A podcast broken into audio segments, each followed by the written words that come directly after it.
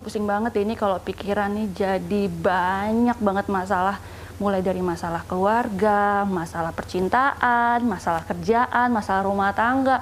Semuanya numpuk di kepala sampai bikin susah tidur, susah konsentrasi, bahkan berujung depresi sampai memicu penyakit.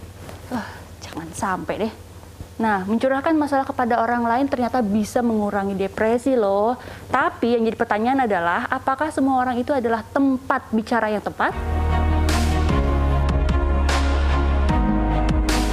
Masalah kesehatan jiwa menjadi salah satu problematika dalam kehidupan. Terlebih saat pandemi COVID-19, tidak sedikit mental masyarakat terguncang akibat situasi yang sulit diprediksi. Perasaan cemas, takut, hingga tekanan mental kerap menghantui. Survei Perhimpunan Dokter Spesialis Kedokteran Jiwa Indonesia terhadap 2.364 responden pada 14 Mei 2020, beberapa masalah kesehatan jiwa timbul selama pandemi COVID-19. Di antaranya trauma psikologis, cemas, dan depresi.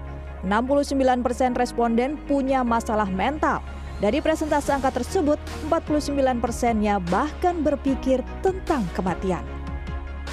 Riset Kesehatan Dasar 2018 juga mencatat lebih dari 19 juta penduduk Indonesia berusia lebih dari 15 tahun mengalami gangguan mental emosional. Lebih dari 12 juta orang berusia lebih dari 15 tahun mengalami depresi.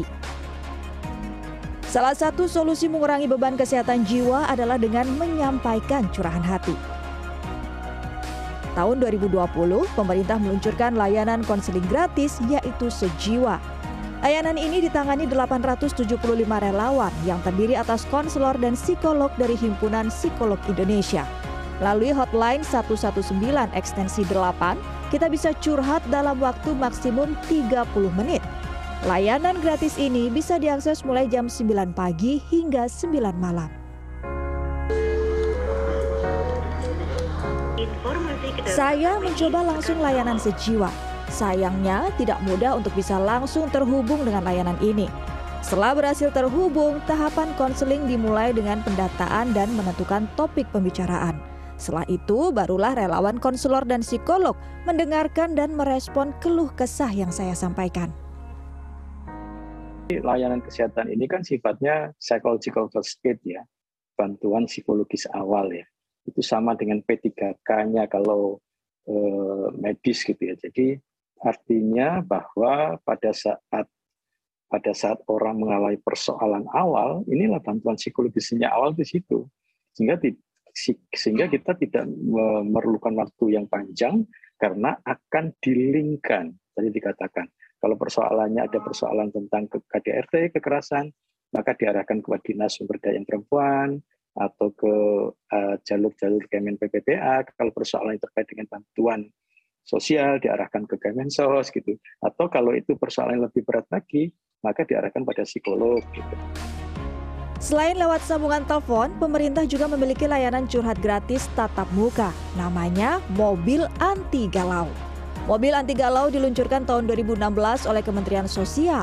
Namun sejak pandemi 2020, aktivitas mobil ini berhenti beroperasi karena kebijakan PPKM. Banyaknya minat masyarakat untuk curhat ternyata menjadi celah bisnis tersendiri.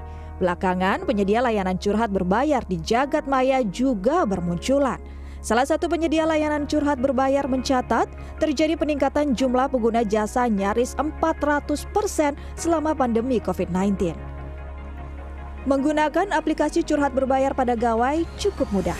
Pertama, pilih topik pembahasan. Kemudian tentukan ingin curhat dengan konselor atau psikolog. Tentunya ada perbedaan harga. Tarif teman curhat konselor Rp30.000 per sesi, sedangkan psikolog mulai dari Rp100.000. Meskipun tidak gratis, dari cuitan sebagian masyarakat, layanan curhat berbayar dinilai sangat membantu masalah psikologi.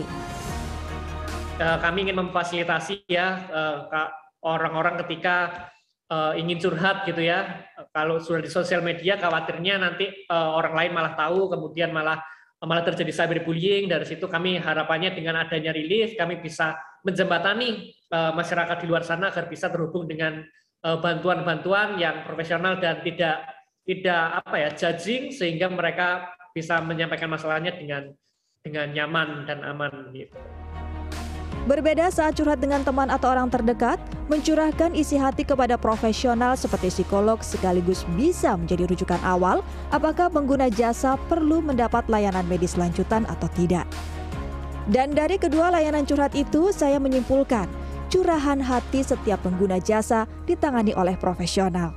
Perbedaan yang paling mencolok harus sabar menunggu antrian jika ingin mendapat layanan curhat gratis milik pemerintah.